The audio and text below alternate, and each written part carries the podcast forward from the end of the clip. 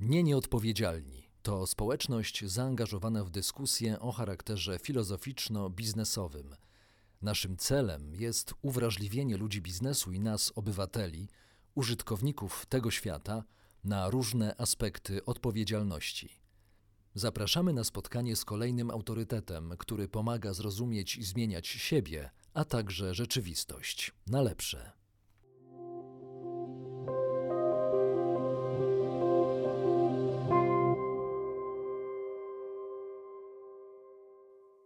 Dzień dobry. Cieszę się bardzo, że zgłosiliście się Państwo do pooglądania i wysłuchania kolejnej rozmowy w telewizji Nie Nieodpowiedzialni. A to będzie rozmowa szczególna, jak mi się wydaje, ponieważ po raz pierwszy podejmiemy ten temat. A tym tematem jest przejażdżka z Erosem po Ukrainie Tanatosa, na którą to przejażdżkę namówiłem pana profesora Bartłomieja Dobroczyńskiego, psychologa, kierownika Zakładu Psychologii Ogólnej w Instytucie Psychologii Uniwersytetu Jagiellońskiego. Mój gość jest autorem też wielu znanych, intrygujących książek, innymi Ciemnej strony psychiki, New Age'u, trzeciej Rzeszy Popkultury i innych stanów, czy kłopotów z duchowością i wreszcie listów profana między psychologią a religią. Panie profesorze, dzień dobry. Dzień dobry, witam wszystkich, którzy nas słuchają, będą słuchać.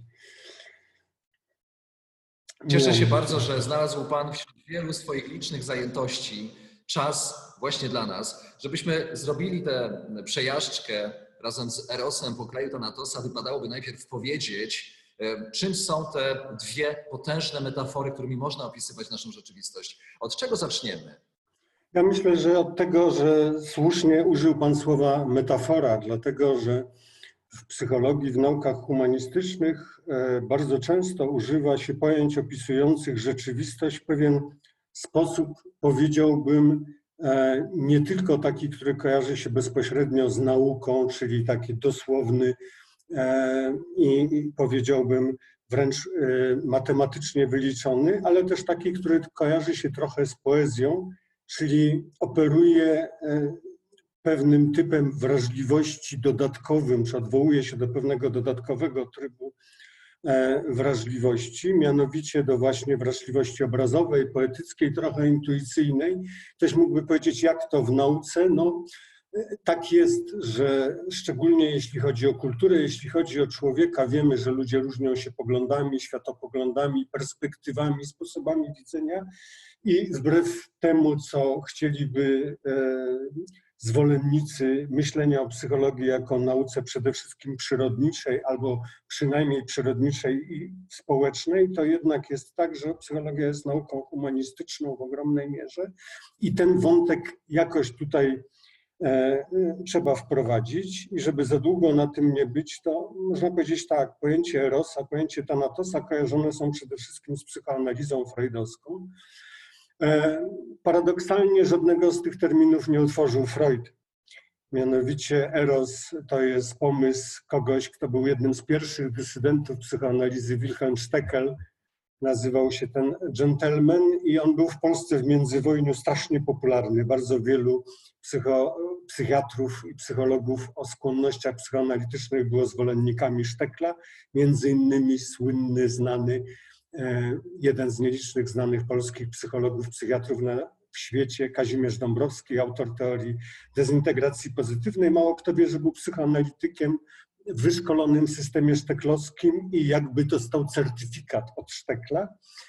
E, ale to jakby e, uwaga na marginesie, więc on prowadził pojęcie Rossa, pojęcie Thanatosa, tutaj wątek będzie parytet i gender. Sabina Spielrein E, którą znamy z filmu, niedawno spopularyzował tą postać, choć nie w taki sposób, jaki jej się należy, niebezpieczna metoda e, o Jungu, Freudzie i Sabinie Szpirań. E, I tam Kira Knightley była w roli Sabiny Szpirań. Sabina Szpirań była jedną z pierwszych uczestniczek ruchu psychoanalitycznego. Najpierw jako pacjentka, była pacjentką Karla Gustawa Junga, potem przeszła jakby na stronę Freuda, bo między Jungiem a Freudem e, doszło do powiedzmy różnicy zdań. E, delikatnie mówiąc, w pewnym momencie ich drogi się całkowicie rozeszły, dość dramatycznie nawet, i to miało efekty również długotrwałe, ale jakby pomijając ten cały kulturowy kontekst, e, przeskakując troszeczkę w bok, powiedziałbym tak, że te pojęcia możemy wyciągnąć troszeczkę jakby z psychoanalizy, bo one pierwotnie służyły Freudowi do tego, żeby opisać jego zdaniem dwa podstawowe rządzące nami popędy.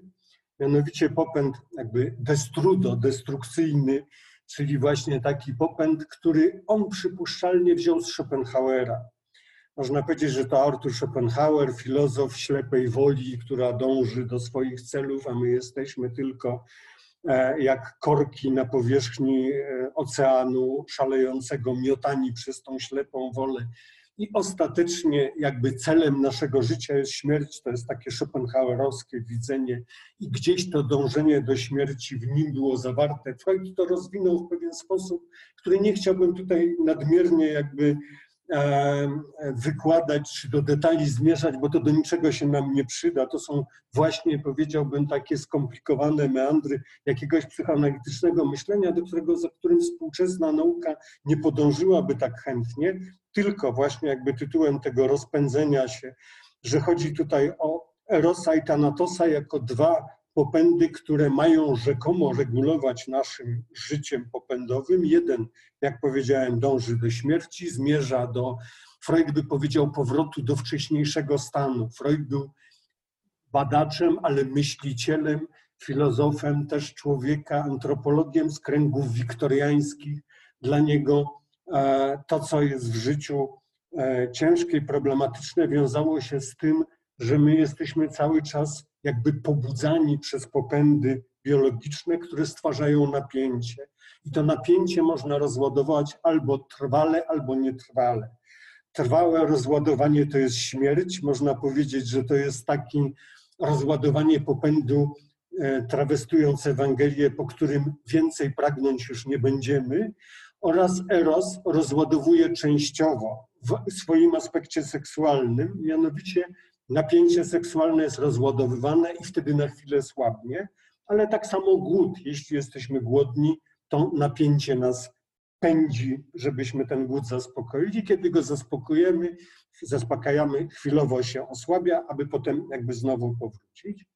Ale jakby wracając do e, jakby głównego nurtu naszej rozmowy, powiedziałbym, mnie jest bliskie takie niedosłowne czytanie Freuda i wydaje mi się, że niezależnie od tego, że w samym ruchu psychoanalitycznym od Freuda do, nie wiem, przez Melanie Klein do Lacana, do współczesnych e, zwolenników psychoterapii dynamicznej, psychoanalizy w różnych odcieniach, bardziej jakby uwspółcześnionych, jest wielki spór czy dyskusja na ten temat, czy to tak jest, czy to tak nie jest.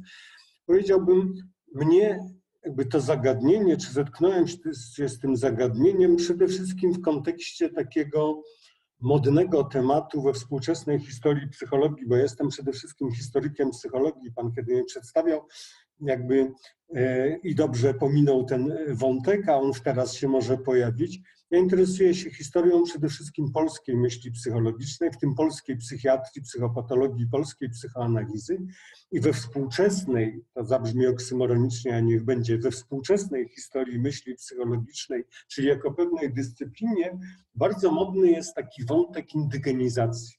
Modny, on jest żywy, ważny. To jest wątek, który dotyczy odpowiedzi na pytanie, mówiąc najprościej, jak jakiś kierunek przyjmuje się na jakimś terenie, którym ten kierunek jest jakby imigrantem. Nie? Czyli innymi słowy, jak psychoanaliza się przyjmie w Indiach? Czy jeśli w Indiach psychoanalitycy się pojawią i zaczną badać miejscową ludność, to ta ludność będzie tak samo się zachowywać jak ludność w Niemczech, Austrii czy we Francji, ale też jeszcze ciekawszy wątek, jak ludzie, którzy zainteresują się psychoanalizą, będą pochodzić z Indii albo z Japonii, albo właśnie z Polski, jak ją odczytają, jak ją zinterpretują. I teraz ja wspólnie z panią doktor Mirą Marcinów napisaliśmy taką książkę Niezabliźniona rana narcyza o początkach i dziejach psychoanalizy w Polsce, czyli o recepcji psychoanalizy w Polsce, czyli o indygenizacji psychoanalizy w Polsce, czyli o tym, jak od powiedzmy roku 1902, gdzie pierwsze zmianki bardziej rozbudowane na temat Freuda i jego koncepcji się pojawiają, do II wojny światowej, kiedy to powiedziałbym, z powodów, o których być może uda nam się więcej powiedzieć dzisiaj, ruch psychoanalityczny został gwałtownie urwany. Nie tylko dlatego, że była wojna, ale dlatego, że ogromna część zwolenników ruchu psychoanalitycznego to byli ludzie pochodzenia żydowskiego i w związku z Holokaustem, w przeciwieństwie do tego, jak to się działo na świecie, ogromna część polskich zwolenników, sympatyków psychoanalizy, psychiatrów i pań psychiatrek o orientacji psychoanalitycznej, bo w psychoanalizie od początku kobiety odgrywały bardzo ważną rolę, zginęło po prostu w Holokauście, a po II wojnie światowej w wyniku, powiedziałbym, zmian socjopolitycznych, które ekonomicznych, politycznych, które zaszły i tego, że staliśmy się częścią bloku sowieckiego, psychoanaliza została jakby zakazana.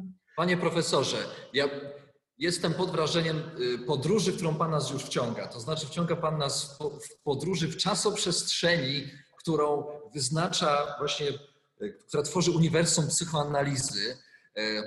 Tym uniwersum, no właśnie, są, są te dwa punkty, od których zaczęliśmy, te, te dwie wielkie metafory, czyli Eros oraz Thanatos. Gdybyśmy mogli przynajmniej teraz powrócić w, Mhm. naszej rozmowie właśnie do, do tych dwóch silnych, e, silnych źródeł e, naszego, naszego życia, naszego, Aha. naszej konstrukcji Mhm, psychicznej. mhm.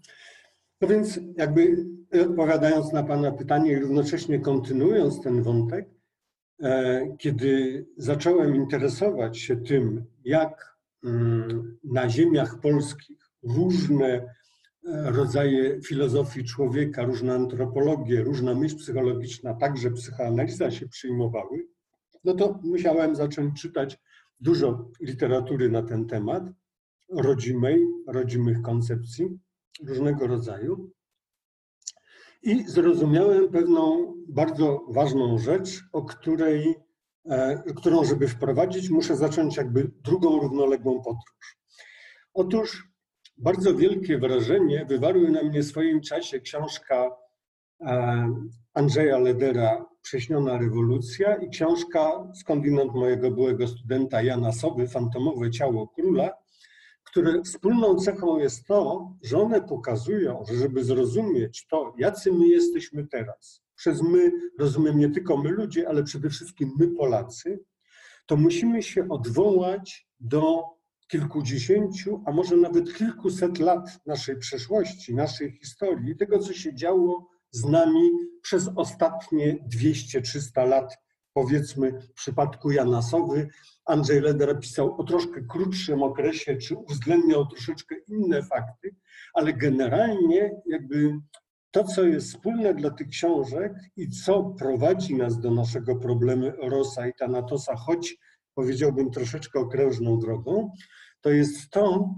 że Polska w XIX wieku, kiedy na świecie rozwie, notowano niesamowity rozwój technologiczny, formowanie się państwowości takiej, jaką znamy nieomal do czasów współczesnych, kiedy rozwijała się nauka, kiedy świat przechodził przez nieprawdopodobną rewolucję, Polska była niejako z tego wszystkiego wykluczona, dlatego że nie posiadała państwowości swojej własnej, bo była pod zaborami.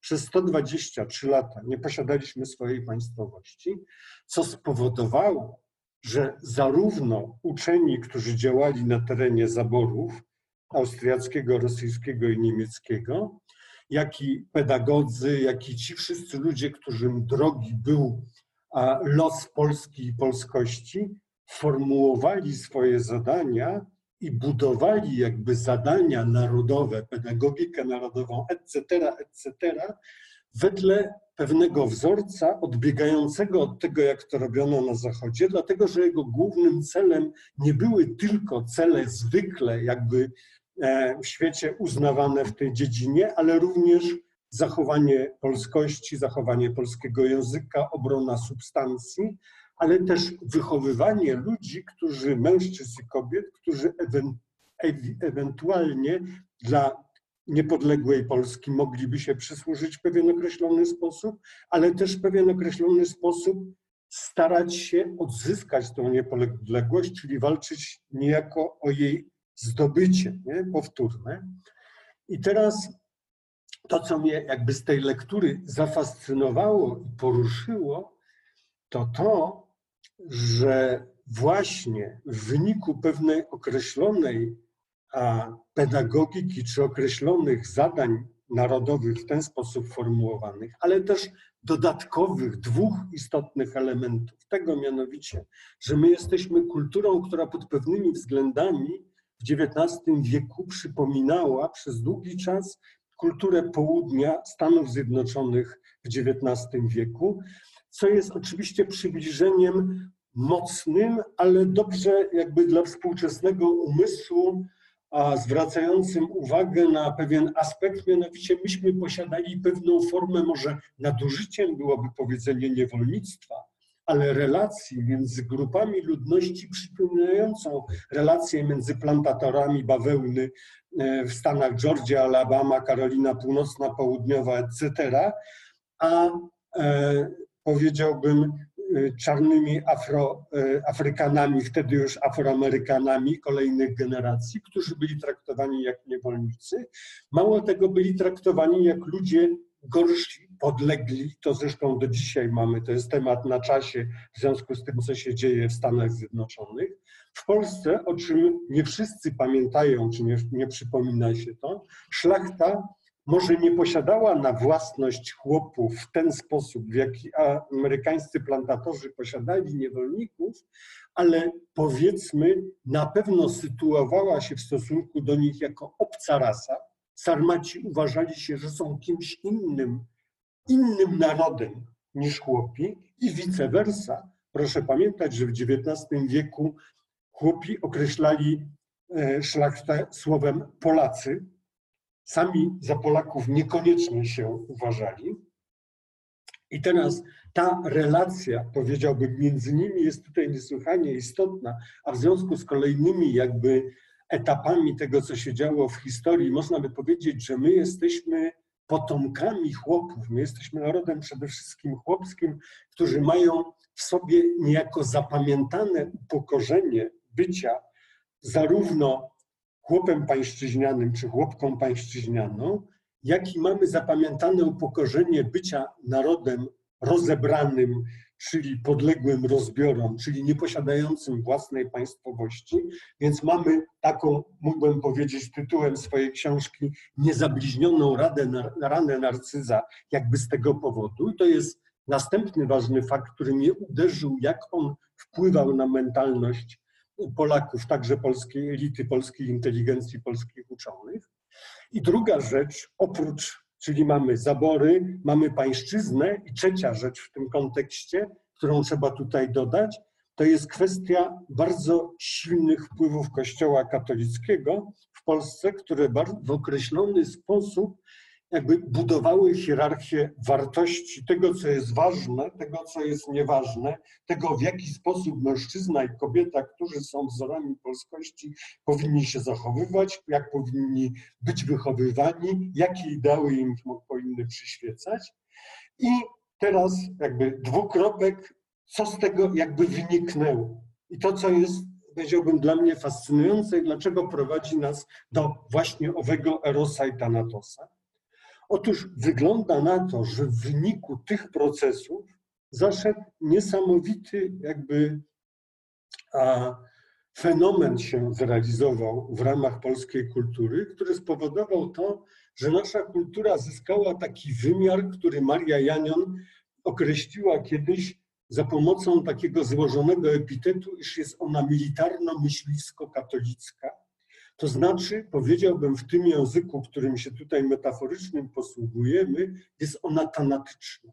Jest ona bardzo mocno naciśnięta, czy w takim kierunku, że formułuje pewien ideał człowieka, mężczyzny i kobiety, w którym nacisk jest nastawiony na takie zdolności, które by można nazwać militarnymi, etycznymi, związanymi w ogóle z wojną, walką o niepodległość bądź pielęgnowaniem pamięci wokół tego, Dalej, takim martyrologicznym, silnym, wyeksponowanym aspektem, gdzie niesłychanie ważny jest ideał cierpienia, oddawania życia, e, powiedziałbym, ponoszenia ofiar różnego rodzaju, wyrzekania się w sensie wyrzeczeń w sensie rezygnowania z bardzo wielu indywidualnych aspektów takiego dobrego życia, które dla człowieka mogą być związane z indywidualną pomyślnością, szczęściem, etc., etc., na rzecz tych wartości nadrzędnych narodowych i równocześnie z kompletnym niedopracowaniem się, a wręcz pogardliwym, oceniającym, nagannym stosunkiem do całej sfery erosa.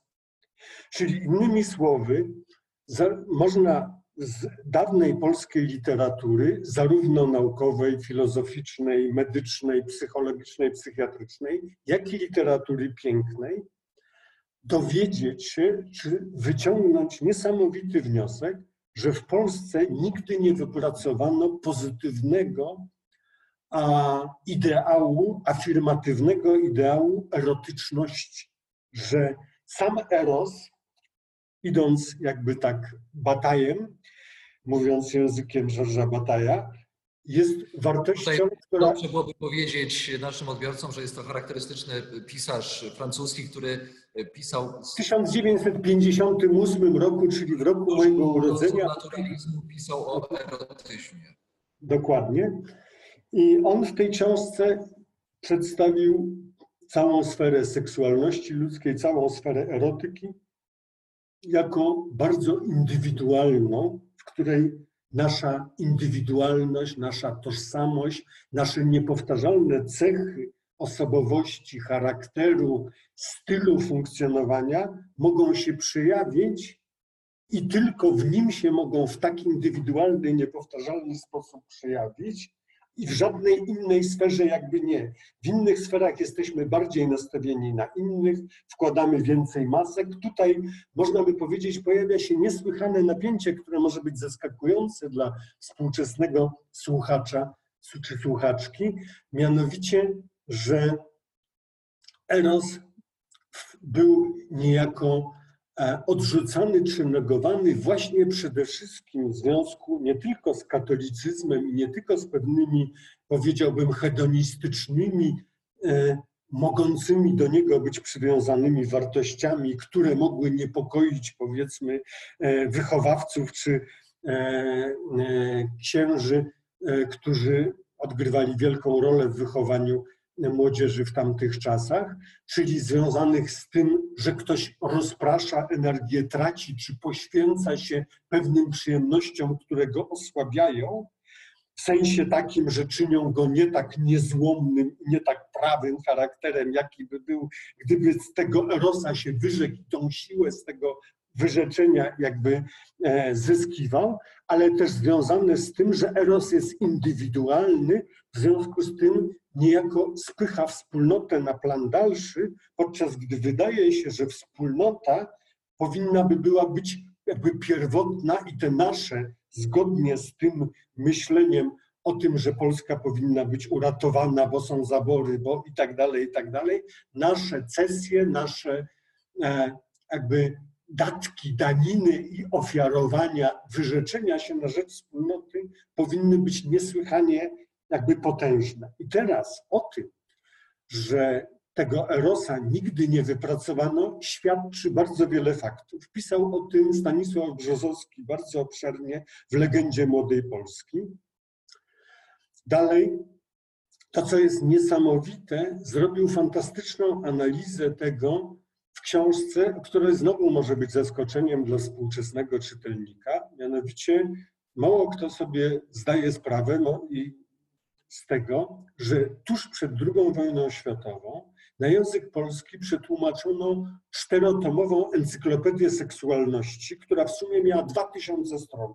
Każdy tom miał około 500 stron, czyli przed wojną w 1938 roku była książka w Polsce międzywojennej, powtarzam, która miała 2000 stron poświęcona seksualności, ludzkiej seksualności.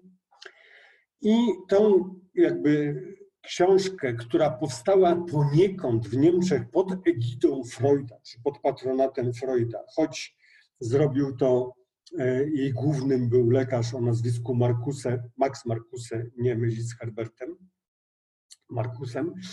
E, za to odpowiedzialny był wybitny polski seksuolog, lekarz Stanisław Higier, syn innego wybitnego psychiatry Henryka Higiera. To byli obydwaj e, lekarze pochodzący z asymilowanych e, rodzin żydowskich. Ojciec i syn zginęli obydwaj w Holokauście. To, co on zrobił jakby niesamowitego w tej książce, to on dopisał polskie wątki i między innymi zrobił analizę polskiej literatury pięknej pod tym kątem w tej książce. I wyszło mu z tego, że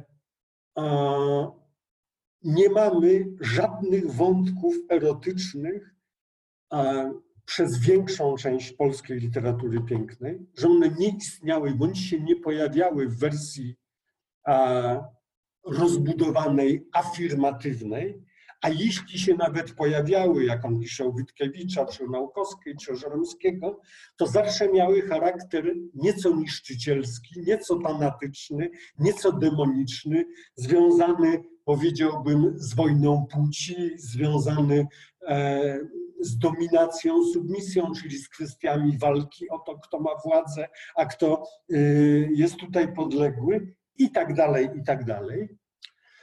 I teraz dla mnie jeszcze ciekawsza konsekwencja tego jest, ale może jakby to będzie w następnym wątku rozwiniemy. Tutaj ją tylko zasugeruję, że nawet metaforycznie rozumiana opozycja Erosa i Thanatosa to nie jest tylko kwestia seksualności. Freud nie widział w ten sposób, ani nikt, kto patrzy na te jakby sprawy, nie powinien patrzeć na to w takim wąskim zakresie, że przeciwstawienie Erosa Thanatosowi to jest przeciwstawienie seksualności destrukcji, dlatego że to by nie miało sensu. Seksualność jakby sama destrukcji się nie przeciwstawi. I jak sięgniemy do Freuda, to zobaczymy, że Freud, dla Freuda Eros był czymś w rodzaju bóstwa, w którym on pokładał ogromną nadzieję, dlatego że on opatrywał tą całą sferę naszej psychiczności, która się wiąże z Erosem, takimi epitetami, że Eros jest troskliwy i opiekuńczy. To znaczy, że Eros to nie jest tylko kwestia, powiedziałbym, seksualności, kwestia hedonizmu, użycia czy rozmnażania, mówiąc jakby najprościej, ale Eros to jest również cała sfera naszej kreatywności, cała sfera naszej witalności, ale rozumianej również w tych aspektach pielęgnacyjnych, czyli tego wymiaru. I tutaj dochodzimy do klubu polskości, który chroni nas przed agresją, chroni nas przed nienawiścią, chroni nas jakby przed różnymi destruktywnymi, właśnie militarno-niszczycielskimi aspektami życia, bo każe nam ta cała ten eros troskliwy i opiekuńczy, jakby brać odpowiedzialność, tutaj nawiązuję do nazwy jakby pańskiego portalu instytucji nie nieodpowiedzialni, który każe się troszczyć nie tylko o partnerów seksualnych, nie tylko o ludzi i o dzieci, ale o wszystko. O ziemię, o zwierzęta, o rośliny, o nasze otoczenie. Powiedziałbym, że zrozumienie tego faktu, że nasza kultura ma przechylenie tanatyczne, pozwoliło mi, to znaczy, że Eros jest tu prawie nieobecny, prawie niereprezentowany nie tylko w tej warstwie afirmacji dla seksualności, ale afirmacji dla troski i opiekuńczości, pozwoliło mi zrozumieć wiele takich faktów, które były dla mnie trudne do zrozumienia z tak zwanego życia codziennego.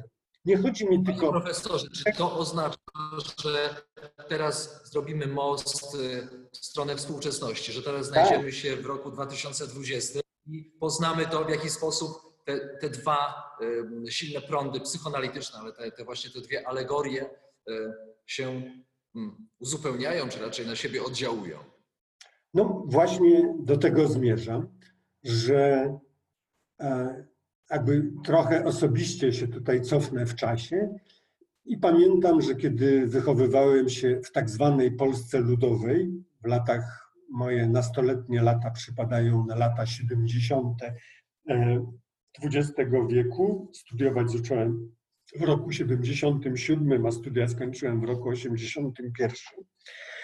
E, Co mówię po to, żeby jakby przywołać pewną i atmosferę, i pewien kontekst społeczno-polityczny i kulturowy, to Polska była oczywiście wtedy krajem, w którym było mnóstwo bałaganu, nieporządku. Można powiedzieć, było krajem symbolicznego misia z filmu Barei, czyli jakby w którym wszystko było rozpadnięte, był, można powiedzieć, połączenie e, cyrku i budowy, tak jak słynna nazwa programu e, w trzecim programie telewizji Dyrekcja Cyrku w Budowie właśnie e, jakby to ujmowała.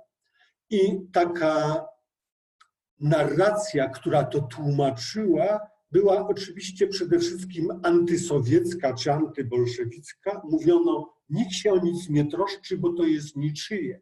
Gdyby to było czyjeś, gdyby byli właściciele, to byłby porządek, wszystko by wyglądało wspaniale, wszystko byłoby doskonale. I ja w takim micie wyrosłem, ale co się okazuje, że kiedy w 2020 roku jesteśmy, ale tak samo było w 2010 i tak samo było w 2000 równym roku i w pierwszej dekadzie po uzyskaniu tak zwanej niepodległości, ten mit się nie sprawdza. Przyszedł do nas kapitalizm i to w wersji neoliberalnej. Przyszedł do nas kapitalizm w wersji dramatycznie mocno kładącej nacisk na własność prywatną. Pojawiły się nurty polityczne, które niesłychanie mocno wydobywały patriotyzm, przywiązanie do ziemi, przywiązanie do tradycji, polskość i tak dalej, i tak. A Erosa w tej warstwie opiekuńczo-troskliwej dalej nie widać.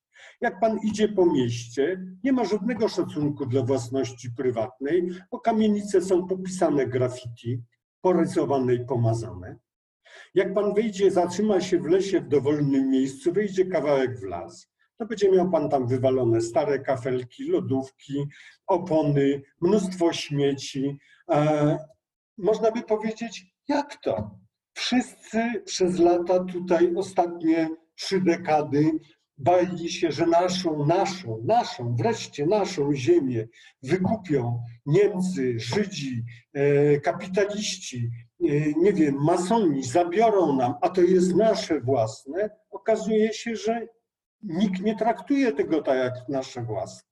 Ja napisałem kiedyś taki esejik mikro na ten temat, który się nazywał Naród z marginesu. No bo jeśli wyjdzie pan do domu jakichś ludzi i zobaczy pan, że w tym domu wszystko się wala po podłodze, śmieci są na podłodze, niemyte naczynia y, pleśnią i zagnitym czymś tam otoczone leżą w zlewie. Wszędzie panuje smród i bałagan i rozkardiaż, to powie pan o takich ludziach, czy to są ludzie z marginesu i to będzie tak zwane delikatne określenie kulturalnych ludzi, jak z kim mamy do czynienia. No to jeśli by Marsjanin przyleciał na UFO statkiem kosmicznym do Polski i zobaczył takie dowolne miasto, gdzie każda kamienica ma popisane graffiti, gdzie w lesie i w każdym miejscu wszystko jest, nie chcę, ja jestem z Bieszczad, użyć bieszczadzkiego określenia, ale powiedzmy jest niezadbane, tylko jest zabrudzone, zabałaganione, nie w porządku. To można by się zastanawiać, a, czy nie jest to właśnie naród z marginesu, który nie dba o to swoje, nie jest, wygląda jakby nic go z tą ziemią nie łączyło jakby nie był do niej przywiązany. Ja pamiętam, jak w 1989 roku po raz pierwszy pojechałem do zagranicy i tak się złożyło w moim życiu, że ta zagranica to była Bawaria, czyli południowe Niemcy, znane ze specjalnej dbałości o swój teren. Każda trawka wyglądała jak wymyta szczotką do zębów. Każda krowa jak wykąpana w szamponie palmolive, każdy liść wymyty osobnym szamponem. I ja tam w kwietniu po raz pierwszy zmoczyłem nogi do połowy, dlatego że nad jeziorem, gdzieś tam w Alpach Bawarskich, wlazłem po łydki do jeziora, bo nie zauważyłem miejsca, gdzie się kończy kamienisty brzeg, a zaczyna się kamieniste dno jeziora, bo woda była taka czysta. U nas z taką sytuacją nie mamy do czynienia jest wręcz przeciwnie, woda jest raczej brudna. do zwierząt się strzela bezmyślnie i nie patrzy się na to, czy to ma sens, czy to nie ma sensu. Drzewa się wycina, nie patrzy się na to, czy to ma sens, czy to nie ma sensu. Można powiedzieć, wygląda na to, jakby nikomu tu na tym nie zależało. I teraz klucz do tego, moim zdaniem, jest właśnie w tym, że te sfery są paradoksalnie powiązane. Że brak wypracowania Erosa również w tym pozytywnym aspekcie, w tej aspekcie naszej erotyczności i seksualności, że on promieniuje również na tamtą sferę, bo to jest jakby jedna biologiczno-psychologiczno-kulturowa całostka.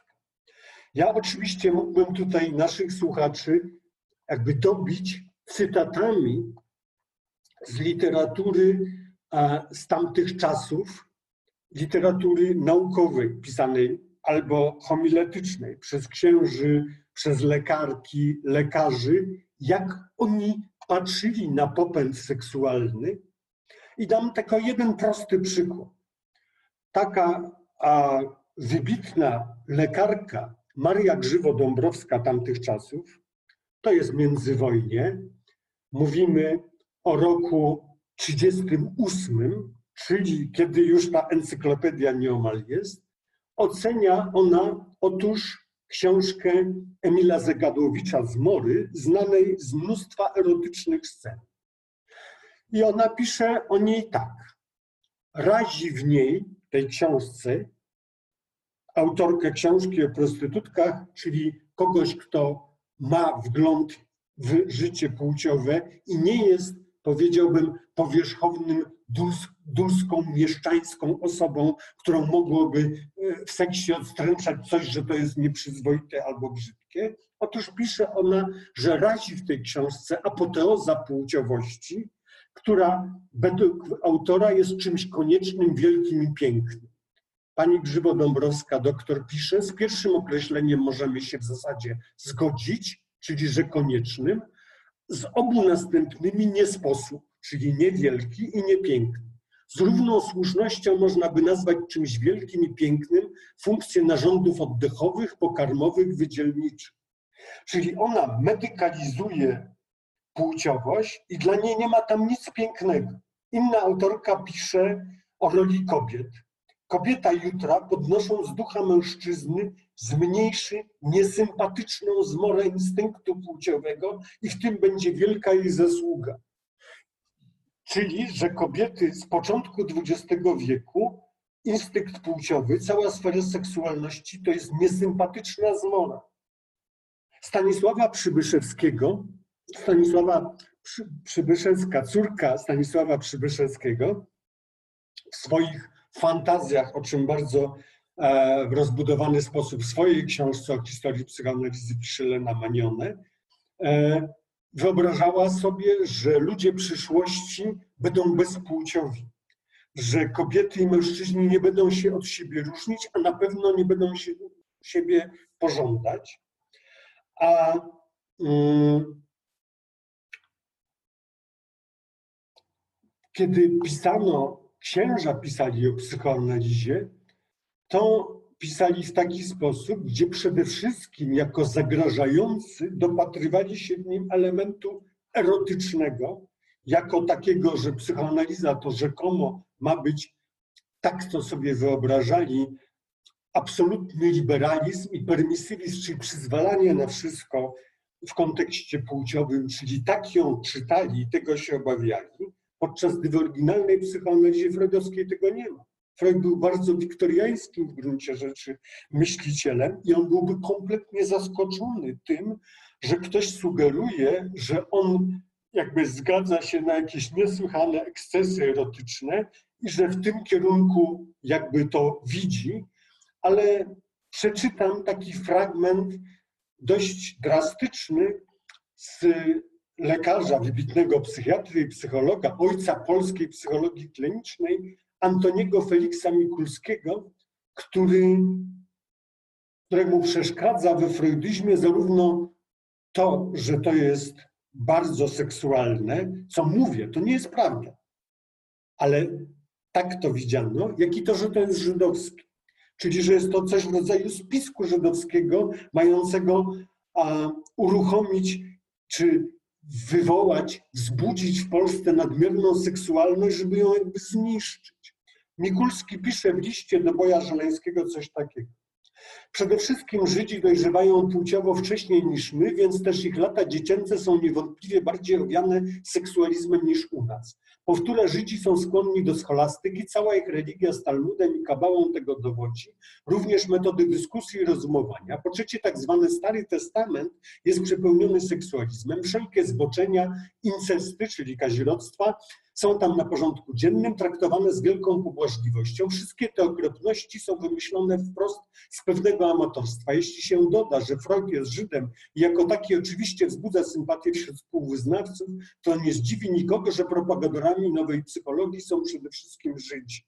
Czyli mamy taki konglomerat e, żydowskości, seksualności i to pokazuje niesamowitą jakby sytuację, że w Polsce był cały czas straszliwy lęk przed erosem jako siłą rozpraszającą, jako siłą negatywną, jako siłą indywidualizującą, czyli odsuwającą nas od tak zwanej wspólnoty narodowej. Lęk przed seksualnością, którą widać w polityce i w kościele do dzisiaj, gdzie seksualność i różne indywidualne podejścia do seksualności, niebinarne podejście, homoseksualne, biseksualne, każde inne jest wyciągane jako straszak na równi z terrorystami, imigrantami, e, nie wiem, chorobami wszelkiego rodzaju. To jest niesamowite. I to, co chcę powiedzieć, ktoś może powiedzieć, no ale mamy przecież Tindera, mamy dzisiaj apki różne randkowe, że o co chodzi? A mnie, mnie nie chodzi o to, że ludzie nie uprawiają seksu, mnie nie chodzi o to, że ludzie nie oglądają pornografii, nie chodzi mi o to, że ludzie jakby nie mają, jakby nie eksperymentują wewnątrz, jakby w swoich życiach prywatnych. Chodzi o to, że w Polsce nie ma żadnej pozytywnej filozofii seksualności. Że... Panie profesorze, Mhm. panie profesorze, y, będąc pod wrażeniem pana charyzmy, będąc pod wrażeniem pana pracy naukowej, y, y, która tworzy erudycję, jakiej mieliśmy możliwość doświadczyć przez ostatnie 45 minut. Proszę mi pozwolić zawiesić rozmowę w tym momencie Mhm. i zaprosić pana do dalszej roz, do rozmowy, gdzie e, śledzilibyśmy te wątłe tropy Erosa w polskiej rzeczywistości współczesnej e, i także e, uświadamiali naszym odbiorcom, paniom i panom, w jaki sposób Thanatos, czyli siła dominująca, ta siła dominacji, ta myśliwsko, jak pan stwierdził, Militarno-katolicka. militarna siła cią- ciąży, ciąży na, na naszym, może i na, na naszej duszy, która może by się chciała zerwać do lotu, ale, ale wciąż, wciąż nie może. A na razie chciałem bardzo, bardzo podziękować za to, że podzielił się Pan e, ze sobą, z, z nami swoją wiedzą E, i, i do zobaczenia jak najszybciej. Bar- Pan Dziękuję profesor Bartłomiej Dobroszyński, Uniwersytet Jagielloński. Dziękuję bardzo. Dziękuję bardzo.